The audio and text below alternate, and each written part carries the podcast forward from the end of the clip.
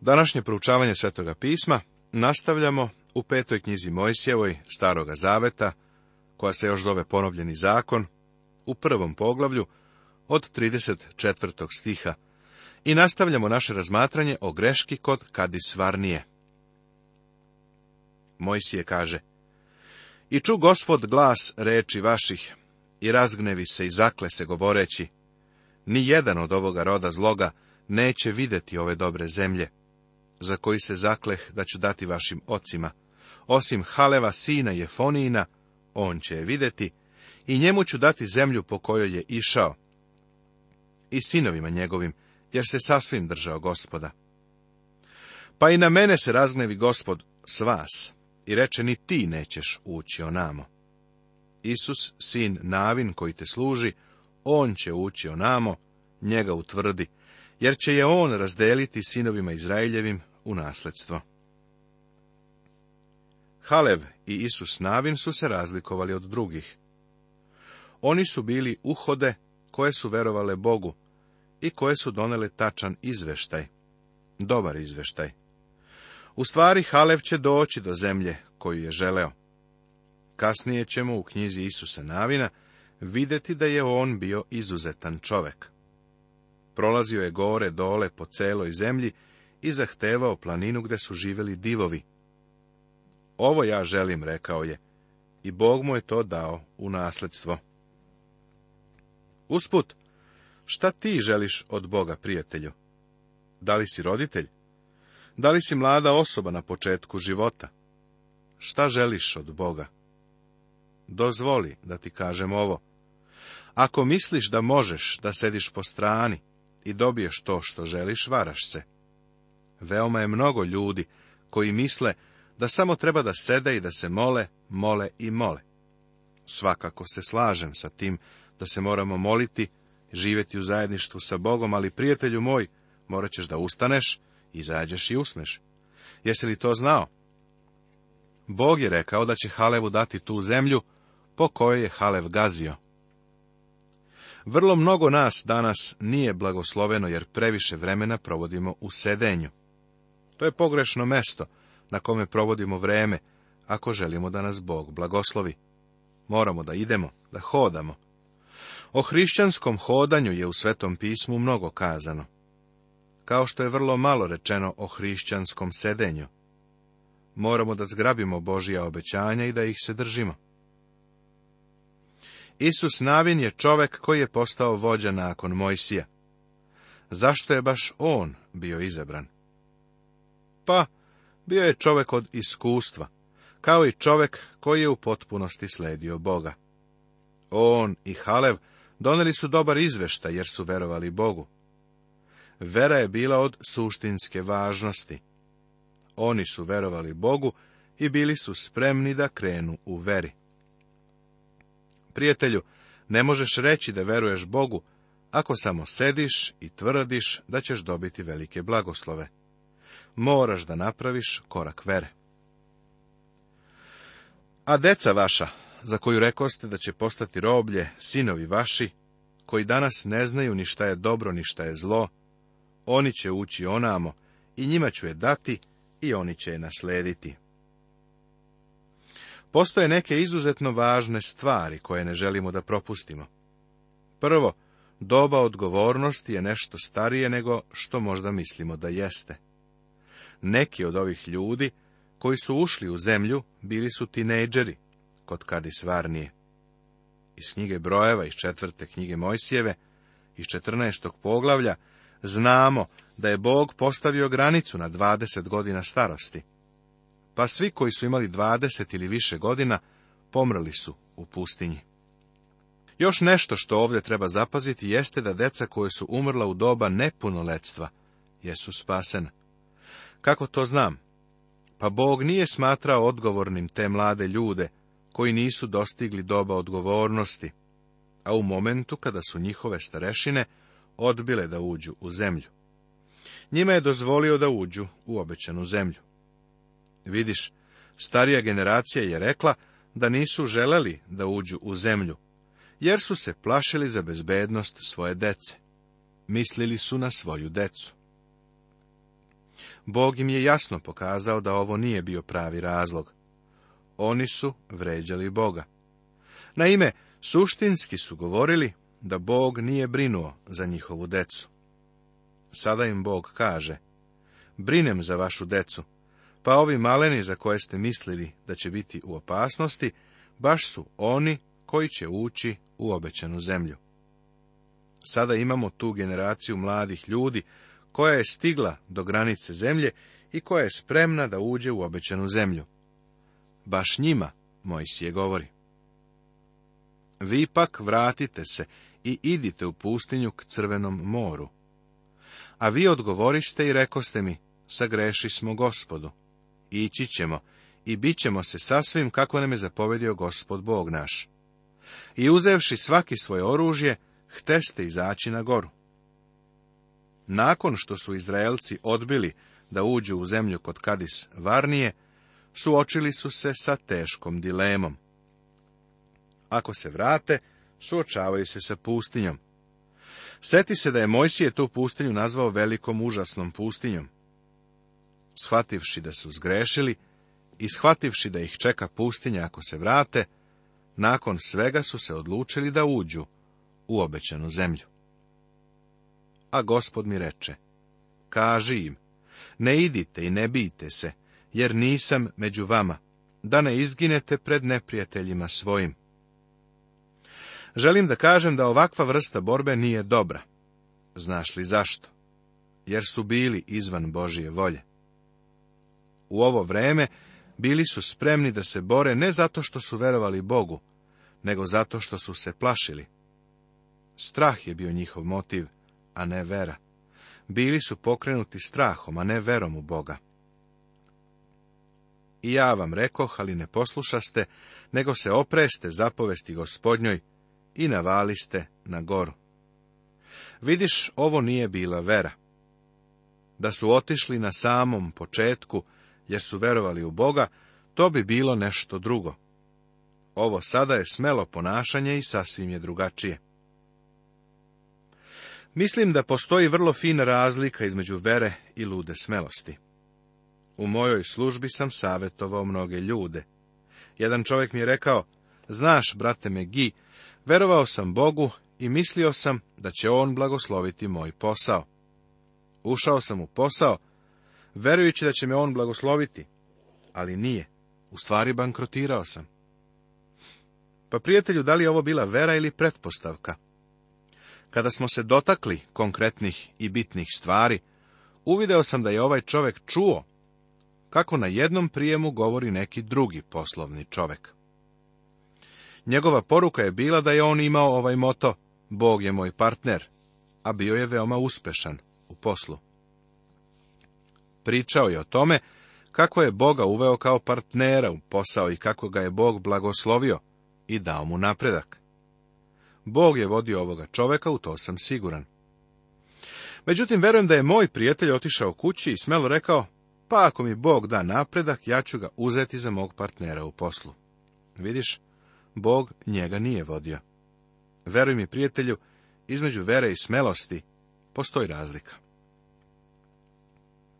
Tada izidoše pred vas Amoreji, koji seđahu u onoj planini, i pognaše vas kao što čine pčele, i pobiše vas na siru, pa do orme. I vrativši se, plakaste pred gospodom, ali gospod ne posluša glasa vašega, niti okrete uha svojega k vama. I ostado se u Kadisu dugo vremena, dokle onde stajaste. Zapazi ovo. Došli su pred gospoda i lili krokodilske suze. Plakali su i kajali se. Da, ali kakvo je to pokajanje bilo? Slušaj šta kaže apostol Pavle u drugoj poslanici Korinčanima u sedmom poglavlju, u desetom stihu. Jer žalost koja je po Božjoj volji stvara pokajanje na spasenje, za koje se ne kaje, a svetska žalost stvara smrt. Da li su plakali zato što su bili neposlušni Bogu? Nisu. Plakali su zato što su ih gonili Amorejci. Njihov poraz je bio razlog njihovog plakanja. Sigurno znaš za onaj događaj kada su uhvatili lopova, a on je počeo da lije suze i da se kaje. Ali samo malo, kakve su to suze bile? Da li plače zato što je lopov? Ne. On plače zato što su ga uhvatili. Ogromna je razlika u ovome. Ovo je upravo i slučaj sa ovim narodom. Kao rezultat ovoga oni su očigledno proveli dosta vremena u Kadisu. Poglavlje drugo. Tema. Tumaranje kroz pustinju. Mojsijev govor predstavlja nastavak pregleda njihovih putovanja. Nakon što su se okrenuli kod Kadisvarnije, Izraelci su otišli na goru Sir. Potom se vratismo i odosmo u pustinju k Crvenome moru, kao što mi zapovedi gospod, i obilazi smo goru Sir dugo vremena. Uvek sam smatrao da gospod ima smisla za humor, a mislim da to ovdje vidimo. I reče mi gospod, dosta ste obilazili tu goru, obrnite se na sever. Vidiš, oni nisu znali kuda da idu. Samo su išli okolo gore sir. Bilo je to nekakvo uzaludno kruženje. Vrteli su se u krug. Na kraju Bog im kaže da je umoran od toga. Kaže im, hajde da se prekine to vrćenje u krug. Plašim se da mnogi hrišćani to rade isto. Pošto ne drže Boga za njegovu reč, tapkaju u mestu i vrte se u različitim aktivnostima. Božja briga za Izrael I zapovedi narodu i reci, sada ćete preći preko međe braće svoje, sinova Isavovih, koji žive u Siru, i oni će vas se bojati, ali se i vi dobro čuvajte Nemojte zametati boja s njima, jer vam neću dati zemlje njihove ni stope, jer sam Isavu dao goru sir u nasledstvo. Evo nečeg drugog što je važno da naučimo. Još tamo u prvoj knjizi Mojsijevoj u 36. poglavlju naučili smo da je Isav živeo na Siru, a da je Isav Edom. Jakov je dobio prvorodstvo, a Bog je njemu i njegovom potomstvu dao obećanu zemlju. Isav je otišao u Sir i sada je jasno da je Bog taj deo dao u posjed Isavovom potomstvu. Ovo se nalazi u zemlji u kojoj do današnjeg dana stoji u kamenu isklesan grad Petra. Bog Izraelu jasno govori da ne smeju da diraju ono što pripada Isavu. I za današnje narode u ovome nalazimo pouku. Bog je postavio granice naroda. U delima u 17. poglavlju u Novom Zavetu. Većina ratova se vodi zato što se ne poštuju granice nekog naroda. Još jedna pouka koju ovdje možemo dobiti jeste da Bog uvek drži svoja obećanja. Čak i kada je u pitanju narod kao što je Isavov, Bog ostaje veran svome obećanju jer te je gospod Bog tvoj blagoslovio u svakom poslu ruku tvojih i zna put tvoj po ovoj velikoj pustinji. I ovo četrdeset godina beše s tobom gospod Bog tvoj i ništa ti nije nedostajalo. Ovdje imamo opšti pregled njihovih četrdeset godina. Bog je znao sve njihove nevolje i neprilike, jer je svih tih godina On išao sa njima. Mojsije je iskreno mogao reći, ništa vam nije nedostajalo. Kako je to divno! To je isto kao kad je David sagledao svoj život i rekao, Gospod je pastir moj, ništa mi neće nedostajati. U psalmu 23. Kako je to mogao reći? Jer mu ništa nije nedostajalo. Bog nam ipak ne daje obećanje luksuznog života, ali nam obezbeđuje sve što je neophodno za život. On će to uraditi i za tebe i za mene. Božija briga za druge narode Vidjeli smo kako je Bog zaštitio Isavove granice. Otkrićemo da on to radi i za druge narode. I gospod mi reče, nemoj pa kostiti Moavcima, ni zametati boja s njima, jer ti neću dati zemlje njihove u nasledstvo, jer dadoh sinovima Lotovim u nasledstvo Ar i doći ćeš blizu sinova Amonovih. Nemoj im pa kostiti ni zametati boja s njima, jer ti neću dati zemlje Amonski u nasledstvo, jer je dadoh sinovima letovim u nasledstvo. Izrael će se u zemlji suočiti sa divovima, ali ih Bog ohrabruje tako što im kaže da je uništio divove Horeje, da bi Isav mogao da zauzme svoju zemlju. Ovo je stih 22. Da bi Amonci zauzeli svoju zemlju, morali su da potuku divove, koji su se zvali Zamzumi, kako piše stih 20. Još uvek imamo divove. Stalno se pojavljuju neki momci ovde visoki oko 215, 220, 225 cm. Igraju košarku. Pobeda preko Jordana. Ustanite, idite i pređite preko potoka Arnona. Gle, Dao sam ti u ruke Siona Amorejna, cara Esevonskoga i zemlju njegovu. Počni uzimati nasledstvo i zavojštiti nj. Izrael je zaobišao Moav i Amon i nije zauzeo njihovu zemlju.